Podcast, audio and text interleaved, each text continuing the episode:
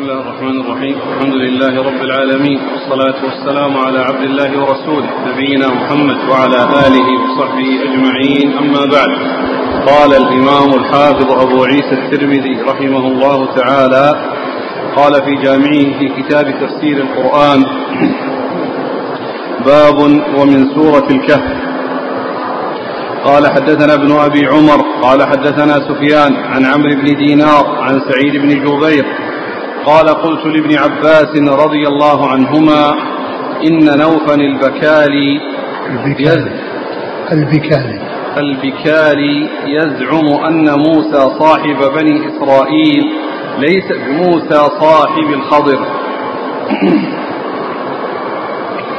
قال كذب عدو الله. سمعت أبي بن كعب رضي الله عنه يقول سمعت رسول الله صلى الله عليه وعلى آله وسلم يقول قام موسى خطيبا في بني إسرائيل فسئل أي الناس أعلم؟ فقال أنا أعلم. فعتب الله عليه إذ لم يرد العلم إليه. فأوحى الله إليه إن عبدا من عبادي بمجمع البحرين هو أعلم منك. قال أي ربي فكيف لي به؟ فقال له احمل حوتا في مكتل فحيث تفقد الحوت فهو تم. فانطلق وانطلق معه فتاه وهو يوشع بن نون ويقال يوسع. فجعل موسى فجعل موسى حوتا في مكتل فانطلق هو وفتاه يمشيان حتى أتيا الصخرة. فرقد موسى وفتاه فاضطرب الحوت في المكتل حتى خرج من المكتل فسقط في البحر. قال وأمسك الله عنه جرية الماء. حتى كان مثل الطاق وكان للحوت سربا وكان لموسى ولفتاه عجبا فانطلقا بقية يومهما وليلتهما ونسي صاحب موسى أن يخبره. فلما أصبح موسى قال لفتاه آتنا غداءنا لقد لقينا من سفرنا هذا نصبا. قال ولم ينصب حتى جاوز المكان الذي أمر به. قال أرأيت إذ أوينا إلى الصخرة فإني نسيت الحوت وما أنسانيه إلا الشيطان أن أذكره واتخذ سبيله في البحر عجبا. قال قال موسى ذلك ما كنا نبغ فارتدا على آثارهما قصصا. قال فكانا يقصان آثارهما. قال سفيان يزعم ناس أن تلك الصخرة عندها عين الحياة. ولا يصيب ماؤها ميتا إلا عاش. قال وكان الحوت قد أكل منه. فلما قطر عليه الماء عاش. قال فقصى آثارهما حتى أتيا الصخرة. فرأى رجلا مسجا عليه بثوب. فسلم عليه موسى فقال أنى بأرضك السلام. قال أنا موسى. قال موسى بني إسرائيل؟ قال نعم. قال يا موسى إنك على علم من علم الله. علمكه علمكه لا أعلمه. وأنا على علم من علم الله علمنيه لا تعلمه. فقال موسى هل أتبعك على أن تعلمني مما علمت رشدا؟ قال إنك لن تستطيع معي صبرا. وكيف تصبر على ما لم تحط به خبرا؟ قال ستجدني إن شاء الله صابرا ولا أعصي لك أمرا. قال له الخضر فإن اتبعتني فلا تسألني عن شيء حتى أحدث لك منه ذكرا. قال نعم. فانطلق الخضر وموسى يمشيان على ساحل البحر فمرت بهما سفينة فكلماه أن يحملوهما فعرفوا الخضر فحملوهما بغير نول. فعمد الخضر إلى لوح من ألواح السفينة فنزعه. فقال له موسى قوم حملونا بغير نول عمدت إلى سفينتك سفينتهم فخرقتها لتغرق أهلها لقد جئت شيئا إمرا. قال ألم أقل إنك لن تستطيع معي صبرا قال لا تؤاخذني بما نسيت ولا ترهقني من أمري عسرا ثم خرجا من السفينة فبينما هما يمشيان على الساحل وإذا غلام يلعب مع الغلمان فأخذ الخضر برأسه فاقتلعه بيده فقتله قال له موسى أقتلت نفسا ذاكية بغير نفس لقد جئت شيئا نكرا قال ألم أقل لك إنك لن تستطيع معي صبرا قال وهذه أشد من الأولى قال إن سألتك عن شيء بعدها فلا تصاحبني قد بلغت من لدني عذرا فانطلقا حتى إذا أتيا أهل قرية استطعما أهلها فأبوا أن يضيفوهما فوجدا فيها جدارا يريد أن ينقض يقول مائل فقال الخضر بيده هكذا فأقامه. فقال له موسى قوم أتيناه آتيناهم فلم يضيفونا ولم يطعمونا. لو شئت لاتخذت عليه أجرا. قال هذا فراق بيني وبينك سأنبئك بتأويل ما لم تستطع عليه صبرا. قال رسول الله صلى الله عليه وآله وسلم يرحم الله موسى لوددنا أنه كان صبر حتى يقص علينا حتى يقص علينا من أخبارهما. قال وقال رسول الله صلى الله عليه وسلم الأولى كان من موسى نسيان. قال وجاءه عصفور حتى وقع على حرف وجاءه وجاءه عصفور حتى وقع على حرف السفينة ثم نقر في البحر. فقال له الخضر ما نقص علمي وعلمك من علم الله إلا مثل ما نقص هذا العصفور من البحر. قال سعيد بن جبير وكان يعني ابن عباس يقرأ وكان أمامهم ملك يأخذ كل سفينة صالحة غصبا. وكان يقرأ وأما الغلام فكان كافرا. قال أبو عيسى هذا حديث حسن صحيح. ورواه الزهري عن عبيد الله بن عبد الله بن عتبة عن ابن عباس عن أبي بن كعب رضي الله عنهم عن النبي صلى الله عليه وسلم. وقد رواه أبو إسحاق الهمداني عن سعيد بن جبير عن ابن عباس عن أبي بن كعب عن النبي صلى الله عليه وسلم. قال أبو عيسى سمعت أبا مزاحم السمرقندي يقول سمعت علي بن المديني يقول حججت حجة وليس لي همة إلا أن أسمع من سفيان يذكر في هذا الحديث الخبر حتى سمعته يقول حدثنا عمرو بن دينار وقد كنت سمعت هذا من سفيان من قبل من قبل ذلك ولم يذكر فيه الخبر. ولم يذكر فيه الخبر. حديث آخر. نعم انتهى الحديث الأول. طيب إيش بعده؟ قال حدثنا عمرو بن علي قال حدثنا أبو قتيبة سلم بن قتيبة قال حدثنا عبد الجبار بن عباس زيادة الهمداني عن أبي إسحاق عن سعيد بن جبير عن ابن عباس عن أبي بن كعب عن النبي صلى الله عليه وسلم قال الغلام الذي قتله الخضر طبع يوم طبع كافرا. قال أبو عيسى هذا حديث حسن صحيح غريب.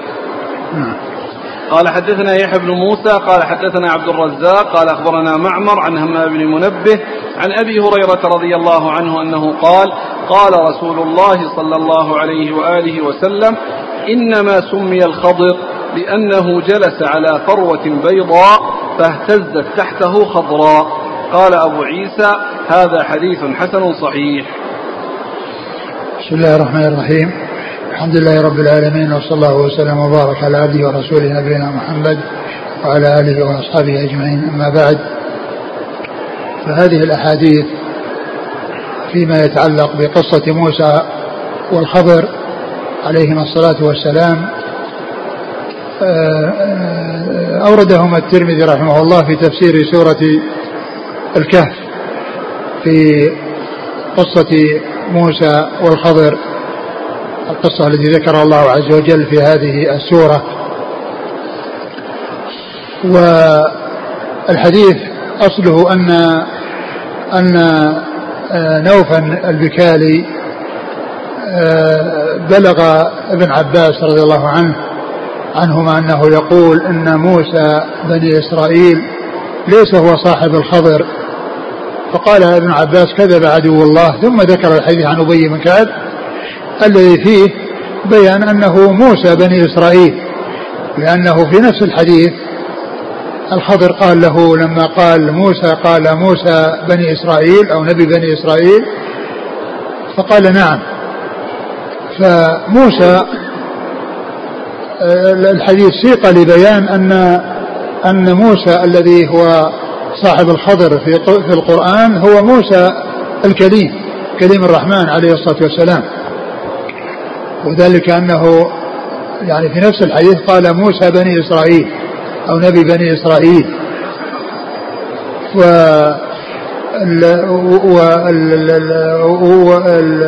ونوف البكالي هذا من التابعين. ولعل كون نوف البكالي قال هذه المقالة لأنه آه، آه، استعظم أن يكون موسى الذي هو كليم الرحمن أنه يسأل الذهاب إلى هذا الرجل وكذلك يتعلم منه ويسأله أن يكون تابعا له متعلما له وأن يصحبه على أن يتعلم مما علم إياه. فلعله استعظم ذلك وأن رأى أن هذا ليس هو موسى بني إسرائيل. لما رأى القرآن يعني ذكر هذه القصة في القرآن وأن موسى قال كذا فظن لكن ابن عباس رضي الله عنه لما بلغه ذلك استعظم هذا وكونه يعني يقول أنه ليس موسى بني إسرائيل وقال كذب عدو الله وهذه كلمة يراد بها الزجر من مثل التكلم في مثل هذه الأمور التي آه، فيها مخالفة للنصوص وفيها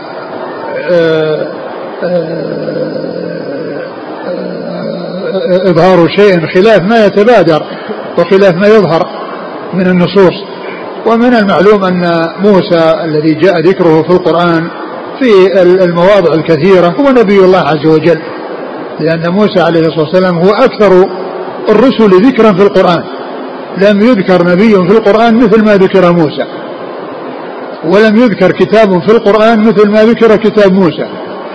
فموسى عليه الصلاة والسلام أكثر الرسل ذكرا في القرآن وكتابه التوراة أكثر الكتب ذكرا في القرآن. فقال كذب عدو الله مستعظما وزاجرا أن يقدم على مثل هذا ولا يعني ذلك أن, أن, أن أنه ليس وليا من أولياء الله أو أنه خرج وإنما هذه من العبارات التي يؤتى بها للزجر عن مثل ذلك واستعظام مثل هذا الأمر وأن مثل هذا خطير. لا يصلح الإقدام عليه ولا يصلح التكلم فيه وإنما على الإنسان أن يستسلم وينقاد. وكما قلت لعل آه، نوف البكالي ما بلغه الشيء الذي يتعلق بأنه هو موسى بني إسرائيل ولكن رأى القصة التي جاءت في أن آه، آه، الرجل الذي يتعلم من الخضر ويستفيد من الخضر أنه غير موسى. فأنكر ابن عباس هذا الذي سمعه عن هذا الرجل وقال هذه المقالة في حقه. على كذب عدو الله ثم ساق الحديث عن أبي بن كعب. ثم ساق الحديث عن أبي بن كعب في قصة آه، موسى والخضر وفيها بيان أن أن موسى الذي جاء إلى الخضر هو موسى بني إسرائيل. نعم اقرأ الحديث. من أوله؟ عن سعيد بن جبير قال قلت لابن عباس إن نوفل البكاني يزعم أن موسى صاحب بني إسرائيل ليس بموسى صاحب الخضر قال كذب عدو الله. سمعت أبي بن كعب يقول سمعت رسول الله صلى الله عليه وسلم يقول قام موسى خطيبا في بني إسرائيل. يعني هذا فيه هذا فيه بيان بيان ال ال ال الاستدلال يعني على الشيء الذي يريده الإنسان وأنه يأتي بالدليل على ما يقول لأن ابن عباس لما كذب نوفا البكالي وقال إن هذا غير صحيح أتى بالدليل الذي يدل على أنه غير صحيح. ثم ساق الحديث بطوله ومحل الشاهد منه التنصيص على أن موسى هو موسى بني إسرائيل في الكلام الذي جرى بين موسى والخضر كما جاء في نفس الحديث منصوصا عليه موسى بني إسرائيل. موسى بني إسرائيل. وهذا فيه آه، آه، الاستدلال أو ذكر الدليل كاملا من أجل اشتماله على على محل الاستشهاد ومحل الشاهد. لأن الحديث طويل وساقه بطوله. وما قال إنه جاء في حديث أبي بن كعب أنه قال أن الخضر قال لموسى أنت موسى بني إسرائيل. الذي هو محل الشاهد وإنما ساقه بطوله. لأن الصحابة رضي الله عنهم وأرضاهم وكذلك غيرهم أحيانا يختصرون الحديث ويأتون بمقدار محل الشاهد. كما يفعل البخاري رحمه الله فإن البخاري يقطع الأحاديث والحديث الطويل يقطعه ويأتي من محل الشاهد منه في الأبواب التي يورده فيها. الأبواب التي يورده فيها. وبعض العلماء يعني تجده يعني يورد الحديث يعني كاملا مثل ما فعل البخاري فإن البخاري أيضا نفسه أورد هذا الحديث كاملا. وكذلك يعني غيره من المحدثين أورد الحديث كاملا. والمقصود من ذلك بيان أن موسى صاحب صاحب الخضر هو موسى بني إسرائيل هو موسى كلم الرحمن. ولا يعرف نبي من الأنبياء يعني اسمه موسى غير موسى الكليم. الذي هو كلم الرحمن وهو أفضل الرسل بعد نبينا محمد صلى الله عليه وسلم وبعد إبراهيم. فإن خير الرسل على إطلاق نبينا محمد عليه الصلاة والسلام ثم إبراهيم الخليل ثم موسى الكليم وهذا باتفاق العلماء أن موسى يأتي في الدرجة الثالثة. نبينا محمد عليه الصلاة والسلام هو أفضل الرسل ويليه إبراهيم الخليل ثم يليه موسى الكليم وبعض العلماء كما كما قلت إن إنهم يذكرون الحديث كاملا من أجل جملة منه. ومثل هذا الذي صنعه مثل هذا مثل ما صنعه مسلم في أول حديث من صحيحه وحديث جبريل. حديث جبريل ساقه ابن عمر رضي الله عنه ليبين أن الإيمان بالقدر هو من أصول الدين. وساق الحديث بطوله. لما جاءه الذين قالوا انه خرج قبلنا أناس يقولون بالقدر وأنهم كذا وأنهم كذا فقال إذا لقيتهم فأخبرهم أنهم بريئون مني وأنا بريء منهم. ثم قال حدثني عمر بن الخطاب ثم ساق الحديث من أجل وتؤمن بالقدر خيره وشره من أجل جملة وتؤمن بالقدر خيره وشره حديث جابر جابر جبريل الطويل ساقه كله من أجل هذه الجملة. من أجل هذه الجملة. ثم ساق الحديث عن أبي بن كعب قال قام موسى خطيبا في بني إسرائيل فسئل أي الناس أعلم؟ فقال أنا أعلم. فعتب الله عليه إذ لم يرد العلم إليه. سأل موسى سأل قوم بني إسرائيل موسى قال أي الناس أعلم؟ فقال أنا أعلم لأنه لا يعلم أحدا أعلم منه في زمانه على حسب علمه أنه ليس هناك أحد أعلم منه. لأنه رسول الله عز وجل ومعه أخوه إبراهيم أخوه هارون في زمانه وهو تابع له وهو الذي طلب أن يرسل معه ليكون عونا له على الرسالة.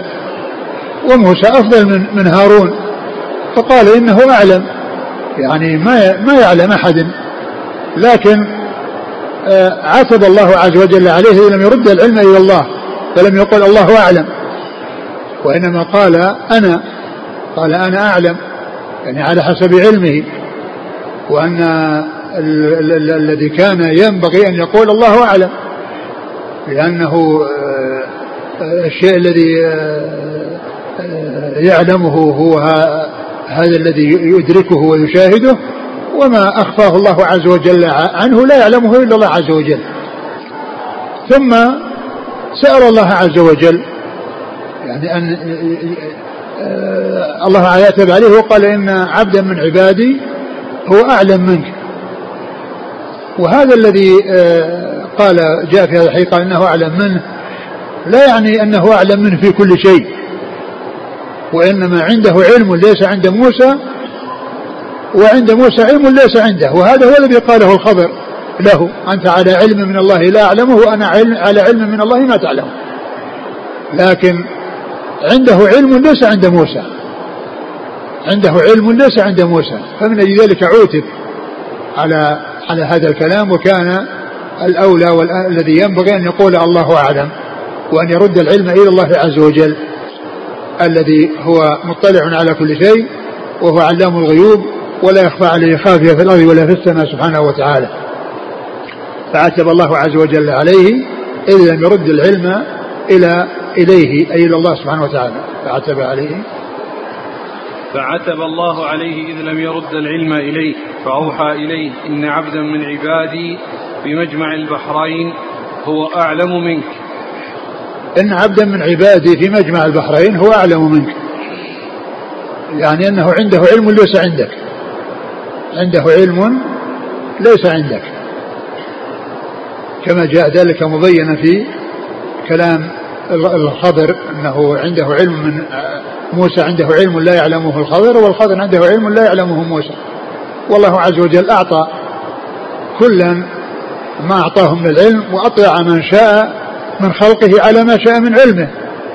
والله عز وجل يطلع آه، بعض خلقه أو ما شاء من خلقه على ما يشاء من علمه ومن غيبه. وقد أطلع موسى على شيء ما أطلع عليه الخضر وأطلع الخضر على شيء ما أطلع عليه موسى. وعلى هذا فالخضر عنده شيء لا ينسى عند موسى. ومن هذه الناحية قال إنه أعلم منه يعني أنه عنده علم ليس عنده. وإن كان موسى عنده علم ليس عند الخضر موسى عنده علم ليس عند الخضر. وكل منهما أوحي إليه من الله عز وجل. وكل منهما عنده علم من الله عز وجل. وهذا الذي قاله آه نعم إيش قال؟ إن عبد من عبادي نعم. بمجمع البحرين هو أعلم منك. نعم. قال أي ربي فكيف لي به؟ فقال له احمل احمل حوتا في مكتل فحيث تفقد الحوت فهو ثم ثم لما علم أو لما قال أن في مجمع البحرين عبد من عباده وأعلم منه. قال كيف لي به؟ يعني كيف أصل إليه؟ ما هو السبيل للوصول إليه؟ وهذا يدل على الحرص على تحصيل العلم والاجتهاد في الوصول إليه والرحلة في طلبه والذهاب من أجله. فإن موسى لما أخبر بأن عبدا من عباد الله علم ليس عنده علم ليس عنده سأل الله عز وجل أن يبين له السبيل إلى الوصول إليه ليستفيد منه. ثم لما ذهب إليه وحصله طلب منه أن يتبعه ليحصل أو ليتعلم مما علم. فجرت المحاورة بينه وبينه التي انتهت بأن آه، آه، لا يعترض عليه وألا يسأله عن الشيء الذي لا يرى أنه آه، لا يصبر عليه وإنما عليه أن يصبر. نعم فقال احمل حوتا احمل حوتا في مكتل. المكتل هو الزنبيل. قد جاء في بعض الروايات أنه حوت مليح يعني قد في ملح قد ملح. وهذا يدل على أنه ميت ليس بحي. على أنه ليس بحي. نعم. ف فإيش؟ فإذا؟ احمل حوتا في مكتل فحيث تفقد الحوت فهو ثم فحيث تفقد الحوت فهو هناك. ثم يعني هناك لأنها إشارة إشارة إلى مكان. فحيث فقدت الحوت فإنه ثم أي أنه هناك يعني في ذلك المكان. ثم إن موسى وفتاه يوشع بن نون ذهبوا ولما جاءوا عند الصخرة يعني آه، ناموا عندها واستيقظوا وواصلوا وكان الحوت خرج من المكتل ودخل في البحر واتخذ سبيله في البحر سربا وصار ذلك كالطاق يعني كالشق الذي في البحر يعني أمسك الله عنه جرية الماء فصار مكانه مكانه يعني بين يكون ذلك علامة على هذا المكان الذي فيه الخبر نعم. فقال في مكتل انطلق بحيث بحيث تفقد الحوت فهو تم. نعم. فانطلق وانطلق معه فتاه وهو يوشع بن نون. نعم. ويقال يوسع. نعم. فجعل موسى حوتا في مكتل فانطلق هو وفتاه يمشيان حتى أتيا الصخرة. فرقد موسى وفتاه فاضطرب الحوت في المكتل حتى خرج من المكتل فسقط في البحر. قال وأمسك الله عنه جرية الماء حتى كان مثل الطاق وكان للحوت سربا وكان لموسى ولفتاه عجبا. يعني كان كان هذا الحوت وانطلاقه منه ودخوله في البحر وكونه يكون في البحر يعني مكانه يبقى يعني لا لا يعود عليه الماء وإنما يبقى كالطاق بقدره الله عز وجل علامة على المكان الذي فيه الخبر ولكن الفتى موسى نسي وقاموا ووصلوا السير وما أخبره بالذي قد حصل وأن الحوت قد فقد. فلما حس موسى بالنصب والتعب قال آتنا غدانا غداءنا لقد لقينا من سفرنا هذا نصبا. فأخبره بأنه آه، نسي الحوت عند الصخرة التي نام عندها وأن الحوت اتخذ مكانه في البحر سربا فقال ذلك ما كنا نبغي. فارتد على آثارهما قصصا. فرجع يتتبعان آثارهما حتى يصل إلى المكان الذي فقد فيه الحوت. ولما وصلوا إلى المكان الذي فقد فيه الحوت رأوا رجلا مسجى بثوب يعني متغطي بثوب وهو الخضر. فقال السلام عليك. قال وأنا بأرضك السلام وفي بعض الألفاظ وعليك السلام أو عليكم السلام. ثم قال وأنا بأرضك السلام يعني أن هذه أرض ما يعرف فيها من يسلم ومن يكون مسلما فكأن المنطقة يعني ليس فيها من من هو من أهل الإسلام ومن, ومن هو مسلم فقال وأنا بأرضك وأنا بأرضك السلام يعني منين يعني يكون فأخبره أنه موسى إيش قال؟ طيب. فانطلقا بقية يومهما وليلتهما ونسي صاحب موسى ليخبره فلما أصبح موسى قال لفتاه آتنا غداءنا لقد لقينا من سفرنا هذا نصبا. قال ولم ينصب حتى جاوز المكان الذي أمر به. قال أرأيت إذ أوينا إلى الصخرة فإني نسيت الحوت وما أنسانيه إلا الشيطان وأن أذكره واتخذ سبيله في البحر عجبا. قال موسى ذلك ما كنا نبغي فارتدا على آثارهما قصصا.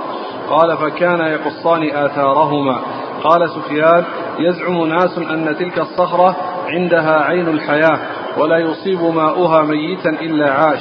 قال وكان الحوت قد أكل منه. أكل منه أو أكل منه؟ ما أدري العبارة. أنها يعني معناها أصابه شيء من هذا الماء فعادت إليه الحياة فدخل في البحر وأمسك الله عنه جرية الماء فصار كالطاق يعني كالفتحة في البحر لم يتلائم الماء عليها فصارت مثل الكوة في الجدار والشباك أو النافذة في الجدار.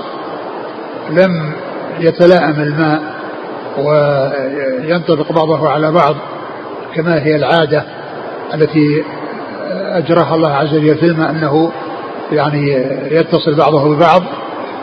بل صار كالطاق الذي هو كالفرجة وكان علامة على وكان وكان يعني الحوت سرب ولهما عجبا يعني كونه يكون بهذه الطريقة وكونه يعني يكون فيه هذه الفتحة التي لم يتلائم عليها الماء وأن يبقى آه، وأن هذا الحوت الذي كان ميتا يعود إلى الحياة ويتحرك ويدخل في الماء ولا ينطبق الماء على المكان الذي مر به فكان كالطاق وهذا من قدرة الله عز وجل وجعله الله عز وجل علامة على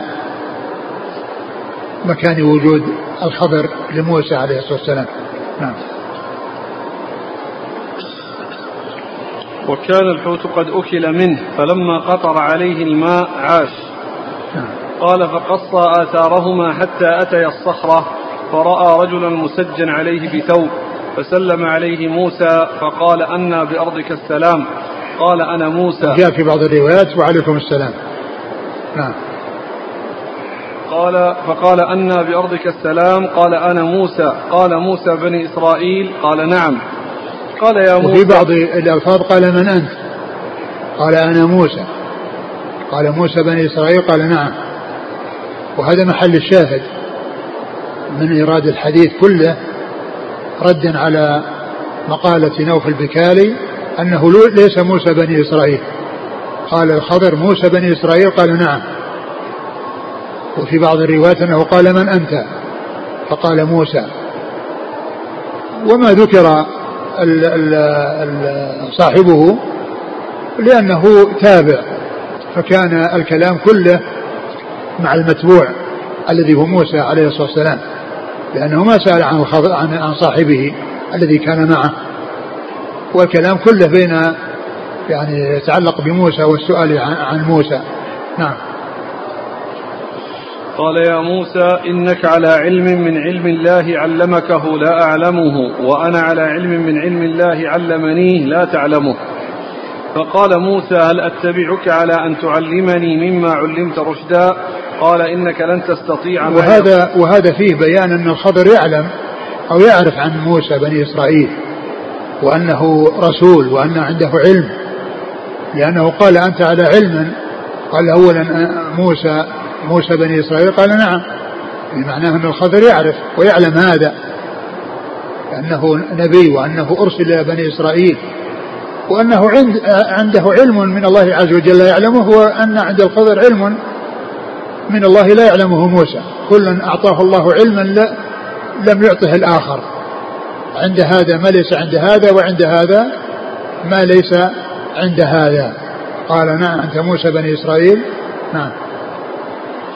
قال إنك لن تستطيع معي صبرا وكيف تصبر على ما لم تحط به خبرا؟ قال ستجدني إن شاء الله صابرا ولا أعصي لك أمرا. قال له الخضر فإن اتبعتني فلا تسألني عن شيء حتى أحدث لك منه ذكرا. هذه المحاورة التي جرت بين موسى والخضر لما طلب منه أن يتبعه ليتعلم مما علم إياه. من هذا العلم الذي عنده من الله لا يعلمه. وقوله أنا على علم من الله لا تعلمه وأنت على علم من الله لا أعلمه هذا يدل على أنه نبي على أن الخضر نبي. وفي ذلك خلاف بين أهل العلم منهم من قال إنه نبي ومنهم من قال إنه ولي. ومن المعلوم أن الولي لا يصل إليه الوحي إلا عن طريق النبي. والأولياء لا يعرفون آه، آه، الوحي إلا عن طريق الأنبياء. فالأولياء تبعوا للأنبياء. وخير وخير البشر هم الأنبياء عليهم الصلاة والسلام الذين يوحي الله عز وجل إليهم والأولياء هم الذين يتبعونهم ويسيرون على نهجهم وعلى طريقتهم. ألا إن أولياء الله لا خوف عليهم ولا هم يحزنون. الذين آمنوا وكانوا يتقون. فبعض أهل العلم قال إنه نبي ويستدل على ذلك بما جاء في القرآن وبما جاء في الحديث الذي جرى بين موسى والخضر. والذي جاء في القرآن قال وما في أوله قال على موسى قال أن تعلمني مما علمت. يعني الله تعالى قد علمه. وقال وجد عبدا من عبادنا آتيه رحمة من عندنا وعلمناه من لدنا علما. علمناه من لدنا علما. لأن الله عز وجل علمه وأنه أوحى إليه. وقال في آخر وما فعلته عن أمري؟ يعني أن هذا من, من الله عز وجل. وهذه الأعمال التي عملها إنما حصلت له بالوحي وليست من تلقاء نفسه. وهذه التصرفات ليست من تلقاء نفسه وإنما هي بوحي من الله عز وجل. فهذا يدل على أنه نبي. ثم أيضا قوله أنا علم على علم من الله لا تعلمه يعني يدل على أنه نبي. وبعض أهل العلم يقول أنه ولي وليس بنبي. لأنه لو كان لأن النبوة شرف عظيم ولو كان نبيا لنص على أنه نبي وجاء التنصيص على أنه نبي لأن النبوة أعظم من الولاية. فلو كان هناك شيء يعني لو, لو, لو كان هناك نبوة لا نص عليها وأنه نبي من أنبياء الله. لكن كما هو معلوم حيث وإن لم يوجد النص على أنه نبي بل وجد ما يدل على أنه نبي وهو كونه يعني آه، الله تعالى علمه وكونه ما فعل ذلك من أمره وإنما هو من الله عز وجل وقوله أنا على علم من الله لا تعلمه أنا على علم من الله لا تعلمه هذا يدل على أنه نبي. وبعض أهل العلم كما قلت قال إنه ولي والدليل على ذلك قالوا أن النبوة ما ذكرت وهي شرف عظيم فلو كان نبيا لنص عليها لأنها هي أعلى المقامات وأعلى المنازل لأن الرسل والأنبياء هم خير البشر عليهم الصلاة والسلام. نعم. والصحيح أنه نبي. لهذه الدلالات الواضحة الدالة على أنه نبي من الكتاب والسنة وإن لم يحصل التنصيص على أنه نبي. نعم. مسألة أخرى. والمسألة الثانية وهي مسألة البقاء والخلود وأنه معمر. أيضا اختلف فيها العلماء. منهم من قال إنه كغيره من البشر مات وأنه لم يعش ولم يكن باقيا. بل مات كما مات غيره. ومن العلماء من يقول إنه معمر وأنه باقي وأنه موجود في مختلف هذه العصور. وهذا شيء ما جاء فيه نص يدل على بقائه. ما هناك نص يدل على بقائه. ليس هناك أدلة تدل على بقائه وأنه موجود بل الأدلة تدل على عدم بقائه. ومنها قول الله عز وجل وما جعلنا لبشر من قبلك الخلد والخضر بشر. والله ما جعل له الخلد فإذا هو قد مات. وليس بموجود. ثم أيضا الحديث الذي ورد في قصة الصبي الذي قال فيه النبي صلى الله عليه وسلم أنه آه، لن يأتي مئة سنة وفيه ممن هو على ظهر الأرض الآن نفس تطرف قالوا هذا يدل على أن ذلك الجيل الذي كان موجودا في ذلك الوقت لن يمضي مئة سنة إلا وقد ماتوا جميعا. فلا يبقى على ظهر الأرض أحد بعد مرور سنة مئة سنة من تلك الليلة التي قال فيها الرسول صلى الله عليه وسلم ما قال. والخضر إذا كان موجودا في ذلك الوقت يكون مات في خلال هذه السنة لأنه ما يبقى نفس. من الموجودين في ذلك الوقت. فلو كان الخضر موجودا فإنه يموت في خلال مدة في خلال سنة ولا يتجاوز تلك السنة. واستدلوا على ذلك أيضا بكون الرسول صلى الله عليه وسلم في غزوة بدر سأل الله عز وجل وعاح عليه في الدعاء أن ينصره. وقال إن تهلك هذه العصابة لا تعبد في الأرض. أو إن تهلك هذه العصابة لا تعبد في الأرض. والعصابة الذين معهم أصحابه والذين آمنوا به. فلو كان الخضر موجودا فإن العصابة لو هلكت فإن فإن الخضر يكون موجود يعبد الله عز وجل. الخضر يكون موجودا.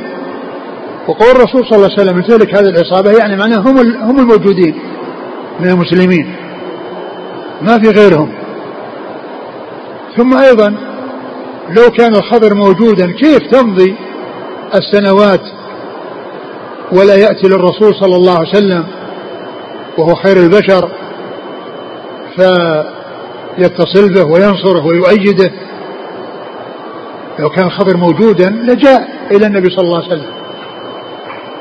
وأيضا يعني كما في الحديث نفسه أن قال وددنا أن أن موسى صبر حتى يقص الله علينا من شأنهما من, أخبارهما. فالرسول صلى الله عليه وسلم يعني يتمنى أن موسى أن أن موسى صبر مع الخضر حتى يحصل قص أخبار غير هذه الأخبار الثلاثة التي جاءت في القرآن. التي قصة السفينة والغلام والقرية.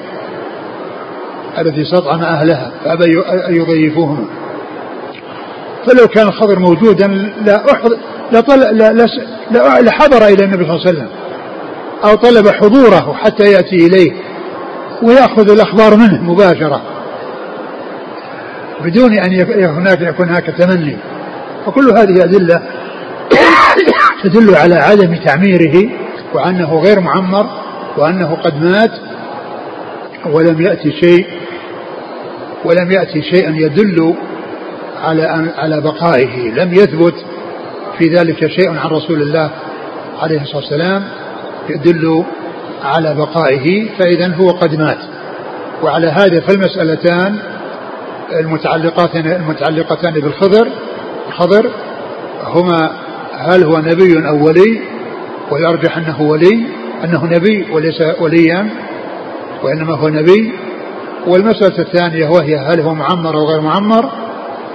أنه غير معمر وأنه قد مات كما مات غيره. وهذه أدلة واضحة تدل على على موته وعلى عدم بقائه. نعم.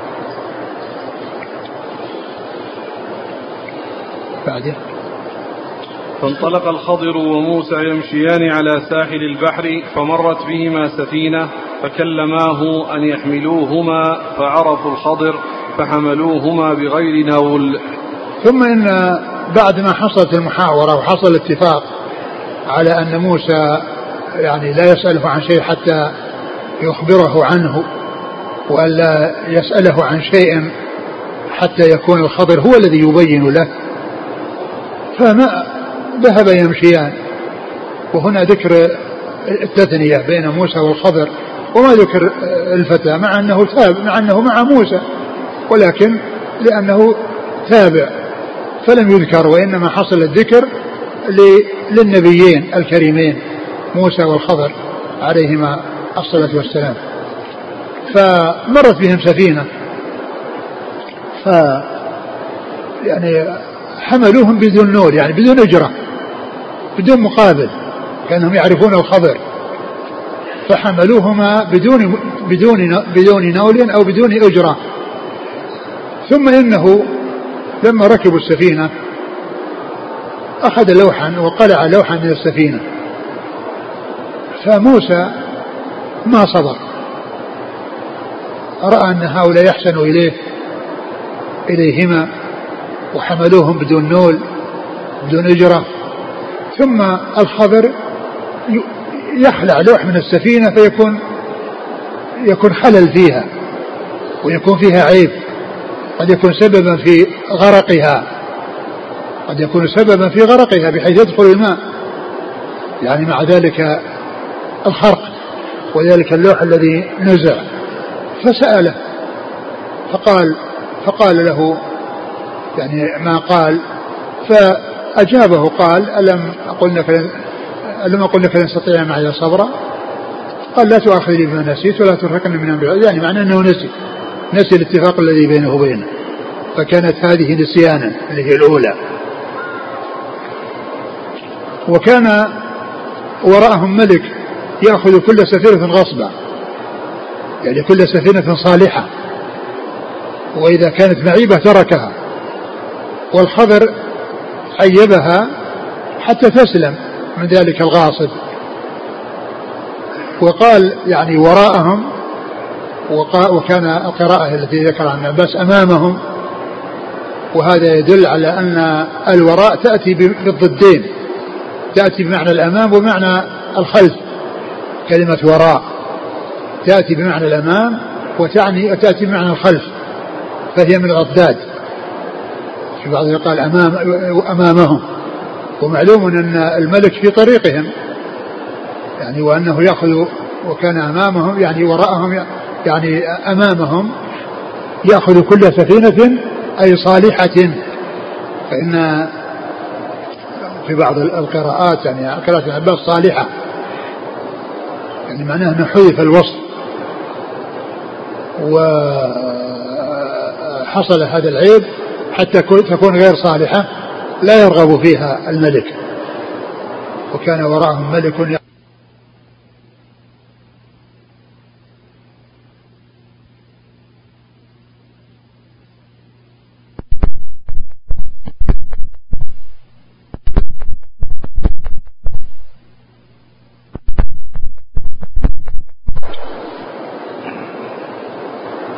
فحملوهما بغير نول فعمد الخضر فعمد الخضر إلى لوح من ألواح السفينة فنزعه فقال له موسى قوم حملونا بغير نول عمدت إلى سفينتهم فخلقتها لتغرق أهلها. لقد جئت شيئا إمرا. قال ألم أقل إنك لن تستطيع معي صبرا؟ قال لا تؤاخذني بما نسيت ولا ترهقني من أمري عسرا. لقد جئت شيئا إمرا يعني إمرا يعني عظيما. الإمر هنا بمعنى العظمة وأن الشيء عظيم. ومثل هذا قول ما جاء في قصة هرقل لقد أمر قول قول أبو سفيان لقد أمر أمر بن أبي كبشة أنه لا يخافه ملك بن الأصفر. يعني عظم أمره. أمر أمره يعني عظم أمره حتى إن ملك بن الأصفر الذي هو هرقل يخافه. حتى إن ملك بن الأصفر الذي هو هرقل ملك الروم يخاف. أمر أمره يعني عظم أمره. فإمرة يعني معناه عظيما فقد جئت شيء إمرة يعني أمرا عظيما أمرا خطيرا. كون الناس أحسنوا إليهم ثم يقابلون الإحسان بالإساءة ويخلع اللوح. ويكون ذلك سبب في غرق السفينة. يعني هذا شيء عظيم. لا يطاق لا يصبر عليه. فعند ذلك موسى يعني سأل فقال لا ما قل إنك لن تستطيع معي صبرا. وقد قال له قبل لا فلا سألني عن شيء حتى أحدث لك منه ذكرى قال لا تؤاخذني بما نسيت. ولا ترهقني من أمري عسرا نعم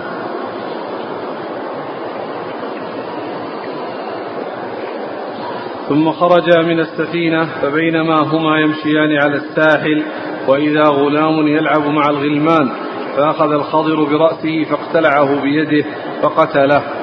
قال له موسى قتلت نفسا زاكية بغير نفس؟ لقد جئت شيئا نكرا. قال ألم أقل لك إنك لن تستطيع معي صبرا؟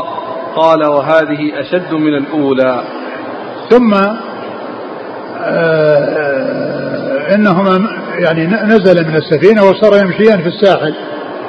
فوجد غلمانا يلعبون وعمد الخضر إلى غلام منهم فأخذ برأسه وقلعه. وفي بعض الروايات أنه أضجعه وذبحه بالسكين. ويجمع بينها بأنه أولا ذبح بالسكين ثم قلع رأسه وفصله بيده. لأنه جاء هذا وهذا جاء أنه ذبح بالسكين وهو صحيح وجاء أنه أخذه وقلع رأسه. فيجمع بينهما بأنه آه، فعل ذلك بالسكين أولا ثم نزع رأسه من جسده بيده وقلعه. فاستعظم ذلك موسى وقال قتلت نفسا زكية بغير نفس لقد جئت شيئا نكرا وهذا يدل على أن قتل الأنفس يعني كان عظيما وكان خطيرا إذا كان بغير حق. وأن ذلك مما هو معروف في الشرع السابقة أن القتل بغير حق أنه خطير وأن هذا أمر منكر. قتلت نفسا زكية بغير نفس لقد جئت شيئا نكرا هنا قال قد جئت شيئا امرأة وهنا قال نكرة. وهذه أشد من الثانية. وأيضا الفعل أشد من الأول. أشد من الأول يعني كونه قتل غلاما والقتل يعني أمر خطير وكان جوابه قد شيئا نكرا وكان جواب الخبر له ألم أقل لك؟ وزاد في كلمة لك لأن في الأول ما فيه لك. ألم أقل إنك لن تستطيع معي صبرا؟ وهنا قال ألم أقل لك إنك لن تستطيع معي صبرا. قال إن سألتك عن شيء بعدها فلا صاحبني إن سألتك عن شيء بعدها فلا صاحبني فالأولى نسيان والثانية شرط. لأنه قال إن سألتك عن شيء بعدها فلا صاحبني. نعم. قال إن سألتك عن شيء بعدها فلا تصاحبني قد بلغت من لدني عذرا فانطلقا حتى إذا أتيا أهل قرية استطعما أهلها فأبوا أن يضيفوهما فوجدا فيها جدارا يريد أن ينقض. قال يقول مائل.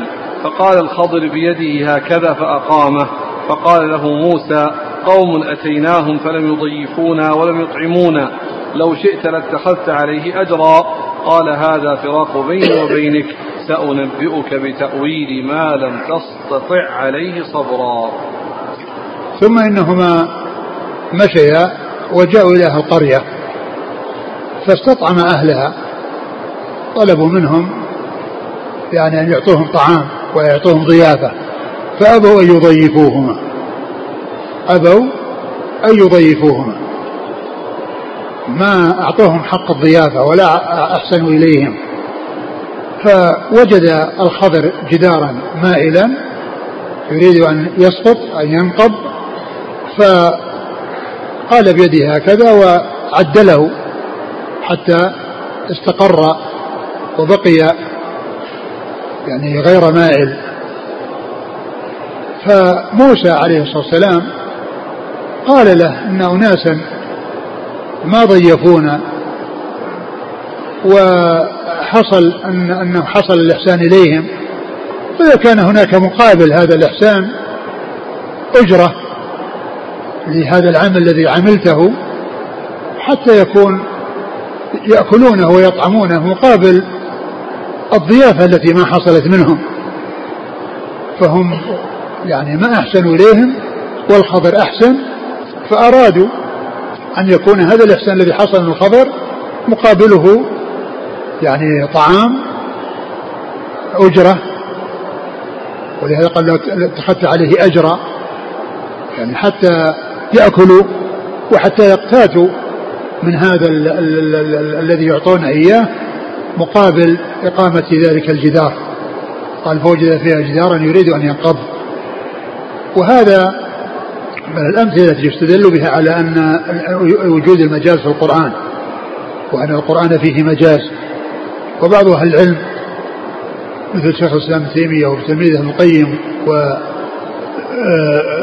آه، أهل العلم يقول أنه لا مجاز في القرآن وإنما هذه من العبارات السائغة في اللغة التي آه، آه، تستعمل في اللغة وهي من الحقائق لا من المجاز. لأن المجاز يصح نفيه والحقائق لا تنفى وكلام الله عز وجل كله حقيقة وليس فيه مجاز. نعم.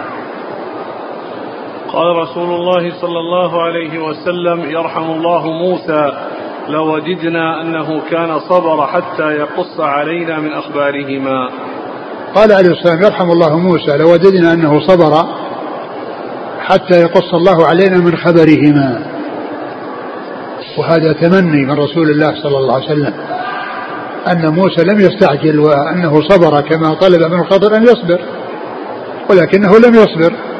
وهو في الآخر نفسه قال إن سألتك عن شيء بعدها فلا صاحبني. أيضا هو نفسه. يعني آه، بين أنه آه، بعد هذا ما في إلا مفارقة. وعند ذلك قال الخبر هذا فراق بيني وبينك على حسب الاتفاق وعلى حسب ما قلته. فقال هذا فراق بيني وبينك. فهذه الجملة مما يستدل به على أن الخبر قد مات كما أشرنا من قبل لأن الرسول صلى الله عليه وسلم لو كان موجودا في زمنه صلى الله عليه وسلم لطلب حضوره أو لجاء هو وأخبر مما عنده من الأخبار التي أوحى الله تعالى بها إليه. نعم.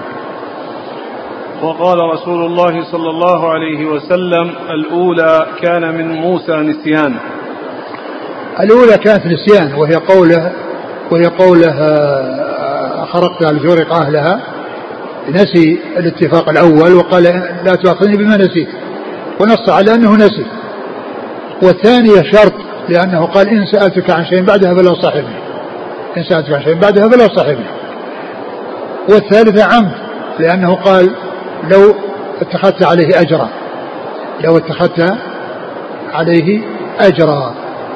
ثم انتهت هذه الرحلة وهذه الصحبة وهذا اللقاء الذي حصل بين هذين النبيين الكريمين بحصول المفارقة بعد هذه الحالة الثالثة التي هي قصة القرية و آه، كون موسى آه، عرض عليه أنه يأخذ الأجرة مقابل إقامة الجدار.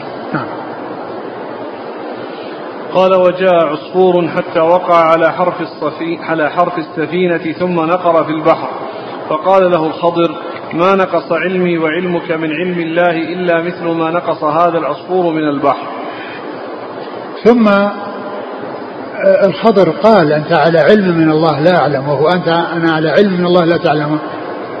قال إن هذا العلم الذي علمني الله إياه وعلمك إياه هو بالنسبة لعلم الله عز وجل مثل الذي علق بخرطوم الطائر العصفور من البلل يعني هذا البحر الزاخر. علم الله عز وجل واسع حاط بكل شيء علما وهذا العلم الذي وصل إلي ووصل إليك من الله عز وجل هو مثل البلل الذي أصاب خرطوم الطائر الذي غمسه في البحر وطلع ففيه بلل. يعني ما عندي وعندك من العلم هو مثل هذا البلل الذي في خرطوم هذا الطائر بالنسبة للبحر بالنسبة للبحر. يعني ما علمي وعلمك إلا مثل ما يعني علق أو إيش مثل ما ما, ما نقص علمي وعلمك من علم الله إلا مثل ما نقص هذا العصفور من البحر. يعني الذي آه، علق بخرطومه من الماء هذا هو الذي آه، آه، نسبة الشيء الذي حصل لموسى من العلم هو الخبر لهذا البحر الزاخر. هذا البلل شيء يسير جدا. ومعلوم أن علم الله لا ينقص ولكن هذا فيه بيان قلة العلم الذي أعطاه الله عز وجل لموسى والخضر وأن علم الله عز وجل واسع وأن ما حصل لموسى مع كثرته ما علمه الله إياه وكذلك ما حصل الخضر. نسبته كنسبة البلل الذي علق في خرطوم الطائر الذي نقر في الماء. نعم.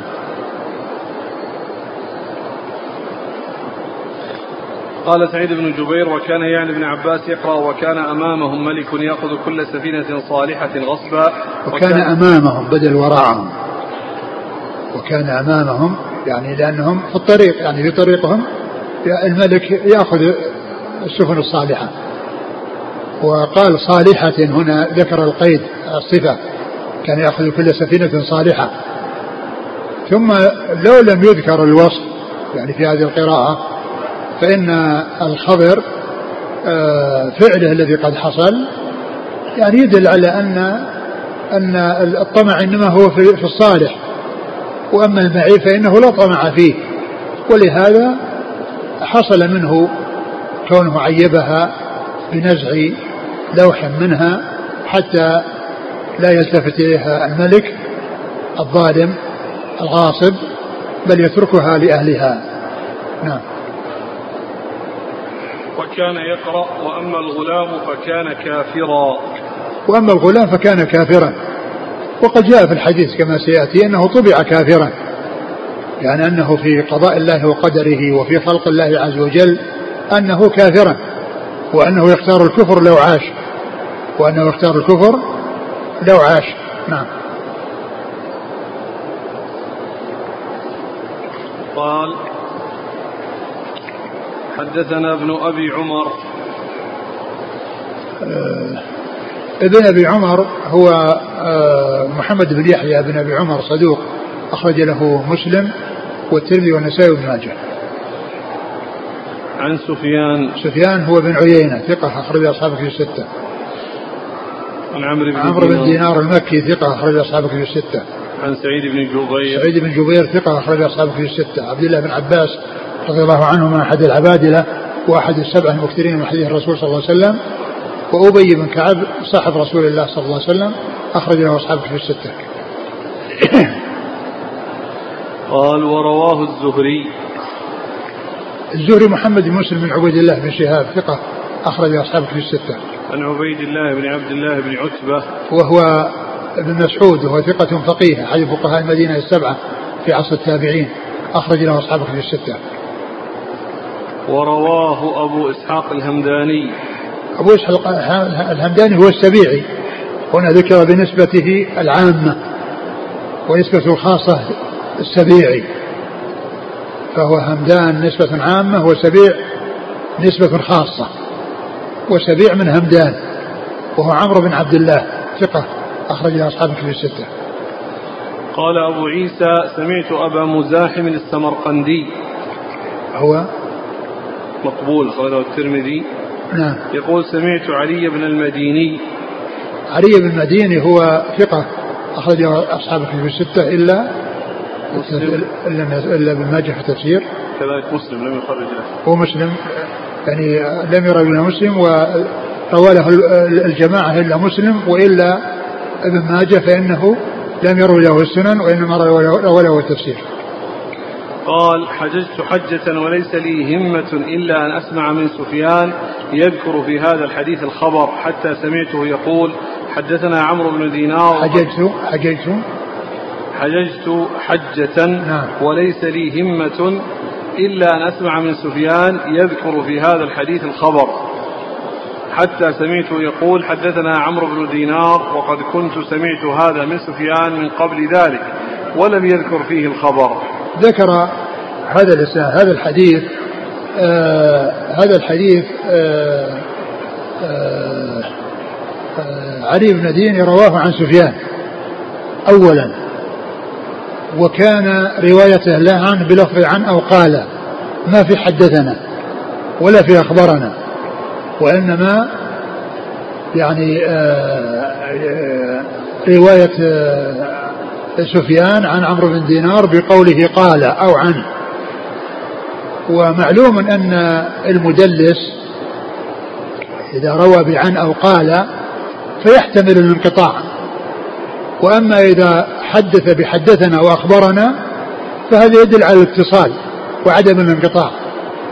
ولهذا المدلس إذا جاء عنه قال قال أو عن ففي احتمال انقطاع. لكن إذا جاء عنه حدثنا أو أخبرنا أو سمعت فإنه متصل. ويزول الإشكال. وكان سفيان بن عيينة مدلس لكنه لا يدلس إلا عن الثقات. لا يدلس إلا عن الثقات. فكان علي بن مديني يعني آه سمعه منه يعني بالتدريس بعنه قال فحج وكانت همته أن يلقى سفيان ويأخذ عنه بلفظ الخبر أو يعني آه يبحث عن أنه يحدث بلفظ الخبر يعني بأن يقول أخبرنا أو حدثنا.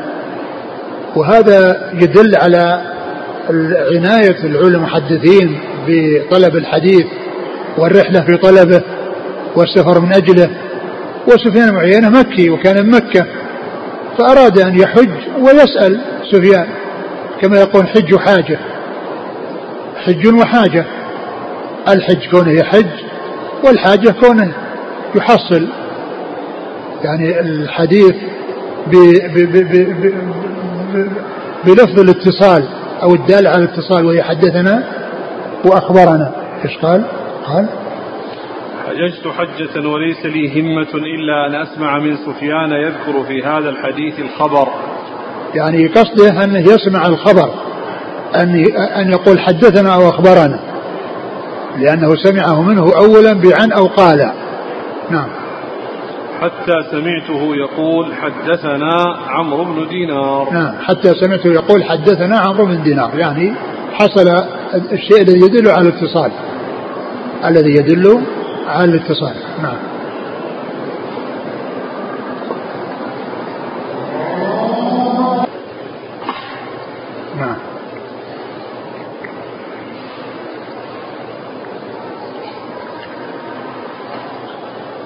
قل حتى سمعته يقول حدثنا عمرو بن دينار وقد كنت سمعت هذا من سفيان من قبل ذلك ولم يذكر فيه الخبر. يعني ولم يذكر فيه الخبر يعني لفظ التحديد أو الإخبار وإنما الذي كان سمعه من قبل بلفظ عن أو قال التي يعني فيها التدليس واحتمال التدليس وهو كما هو معروف يعني معروف أنه لا يدلس إلا عن ثقة لكن التدليس يعني كما هو معلوم فيه عدم إسقاط يعني أحد الرواة. لكن كما هو معلوم قد يكون الإنسان ثقة عند الراوي وليس ثقة عند غيره. فإذا معرفة التنصيص عليه هذا أمر مطلوب. ولهذا حرص علي المديني وذهب للحج من أجل أن يقابل سفيان ويسمع منه الحديث بلفظ بلفظ الإخبار أو التحديث أو السماع. نعم. الحديث الثاني عن أبي قال الغلام الذي قتل الخضر طبع يوم طبع كافرا. نعم. والحديث الثاني عن الغلام الذي قتله الخضر طبع يوم طبع كافرا أنه قدر. سبق قضاء الله وقدره أنه يكون كافرا. وأنه لو عاش أنه يختار الكفر. ف, ف ولهذا قال آه، الخضر كان أبوه من خشين أن يرهقهما طغيانا وكفرا. نعم. قال حدثنا عمرو بن وهذا في دلالة على القدر والإيمان بالقدر وأن كل شيء سبق به القضاء والقدر وأن يعني آه، آه، ما قدره الله وقضاه قد آه، سبق به قد كتب بالله محفوظ وسبق سبق به القضاء والقدر وأن الناس يعملون في أمر قد فرغ منه كما جاء في بعض الأحاديث وقد مرت قريبا أن الناس يعملون في أمر قد فرغ منه. رفعت الأقلام وجفت الصحف. قال حدثنا عمرو بن علي. عمرو بن علي هو الفلاس. هناك الإسناد اللي قبله. انتهى نعم. عمرو بن علي هو الفلاس ثقة أخرج أصحاب الكتب وهو شيخ لأصحاب الكتب. شيخ لأصحاب الكتب الستة. عمرو بن علي الفلاس. ها. عن أبي قتيبة سلم بن قتيبة. أبو قتيبة سلم بن قتيبة هو ثقة هو صدوق.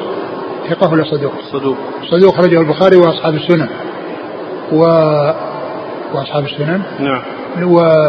وهو ممن وافقت كلية اسم أبيه لأنه أبو قتيبة سلم بن قتيبة. أبو قتيبة سلم بن قتيبة. ومعرفة هذا النوع فائدته ألا يظن التصحيف لو قيل سلم أبو قتيبة أو قيل سلم ابن قتيبة كل ذلك صحيح. فهو كنيته أبو قتيبة واسم أبيه قتيبة. فإن قيل سلم بن قتيبة صحيح وإن قيل سلم أبو قتيبة صحيح. نعم. قال عن عبد الجبار. وهذا ذكر في ترجمته ذكر في ترجمته عبارة ليحيى القطان كأنه يعني فيها يعني آه توهين له. قال ليس من جمال المحامل. هذا ليس من جمال المحامل. يعني جمال المحامل التي تحمل الأثقال ويكون عندها قوة وعندها صبر وعندها تحمل. فعبر بهذه العبارة قال ليس من جمال المحامل وهي توهين. نعم. عن عبد الجبار بن العباس الهمداني هو؟ صدوق البخاري في هذا المفرد وأبو داود في القدر والترمذي. نعم. عن أبي إسحاق عن سعيد بن جبير عن ابن عباس عن أبي بن كعب. نعم. حديث ثالث عن أبي هريرة قال صلى الله عليه وسلم إنما سمي الخضر لأنه جلس على فروة بيضاء فاهتزت تحته خضراء. وهذا أيضا جاء في صحيح البخاري الحديث وهو أن الخضر سمي الخضر لأنه جلس على على ربوة بيضاء. يعني قيل المقصود بها فيها عشب أبيض. يعني فتغير وتحول لأن يكون أخضر لما جلس عليها فاهتزت. وصارت خضراء فقيل له الخضر سمي الخضر لأنه جلس على أرض قيل إنها يعني فيها عشب أبيض وأنه جعله الله أخضر أو أنها أرض خالية وأن الله جعل فيها يعني عشبا أخضر. فلهذا قيل له الخضر أو أطلق عليه أنه الخضر نعم. هنا في الحديث جلس على فروة فروة يعني فروة قيل أنها المقصود بها يعني آه قيل المقصود بها يعني أرض فيها عشب أبيض. يعني معناه أنه يابس أو أنه ليس ليس يعني جيدا فتغير وصار أخضر. هذا هو المقصود بالفروة وقيل إنها الأرض التي هي أرض جرداء. والله تعالى يعني آه، قلبها إلى أن تكون أرضا خضراء. شوف إشكال الشارع ذكر الاثنين عن العلماء أنها أنها أرض فيها عشب أبيض فتحول إلى أن يكون أخضر و أو أنها أرض جرداء بيضاء يعني يابسة. الله عز وجل جعلها على هذا الوصف. يقول زاد عبد الرزاق في مصنفه بعد أن أخرج الحديث قال الفروة الحشيش الأبيض وما أشبهه. نعم هذا تفسير من عبد الرزاق نعم قال أظن هذا تفسير عبد الرزاق نعم. وجزم بذلك عياض وقال حربي الفروة من الأرض قطعة يابسة من حشيش نعم. وهذا موافق لقول عبد الرزاق يعني فيها حشيش يابس أبيض ولكنه تحول لأن يكون أخضر نعم. وعن ابن الأعرابي الفروة أرض بيضاء ليس فيها نبات نعم. وبهذا جزم الخطابي ومن تبعه نعم والله تعالى أعلم وصلى الله وسلم وبارك. نعم إسناد. تكمل نعم قال حدثنا يحيى بن موسى. هو؟ ثقة أخرج البخاري وأبو داود والترمذي والنسائي. نعم. عن عبد الرزاق. عبد الرزاق بن همام الصنعاني اليماني ثقة أخرج أصحابه في الستة. عن معمر. معمر بن راشد ثقة أخرج أصحابه في الستة. عن همام بن منبه. همام منبه هو ثقة أخرج له. أصحاب الكتب. أصحاب الكتب؟ نعم. نعم. عن أبي هريرة. عن أبي هريرة عبد الرحمن بن الصخر الدوسي رضي الله عنه وهو أكثر الصحابه حديثا. وهذا الحديث من رواية من صحيفة همام منبه. همام منبه صحيفة بإسناد واحد اشتملت على 140 حديثا وكلها بإسناد واحد ويفصل بين كل حديث وحديث جملة وقال رسول الله صلى الله عليه وسلم كذا وقال رسول الله صلى الله عليه وسلم وهي موجودة في مسند الإمام أحمد بكاملها في مسند أبي هريرة ومفردة مع شرحها في مجلد كبير.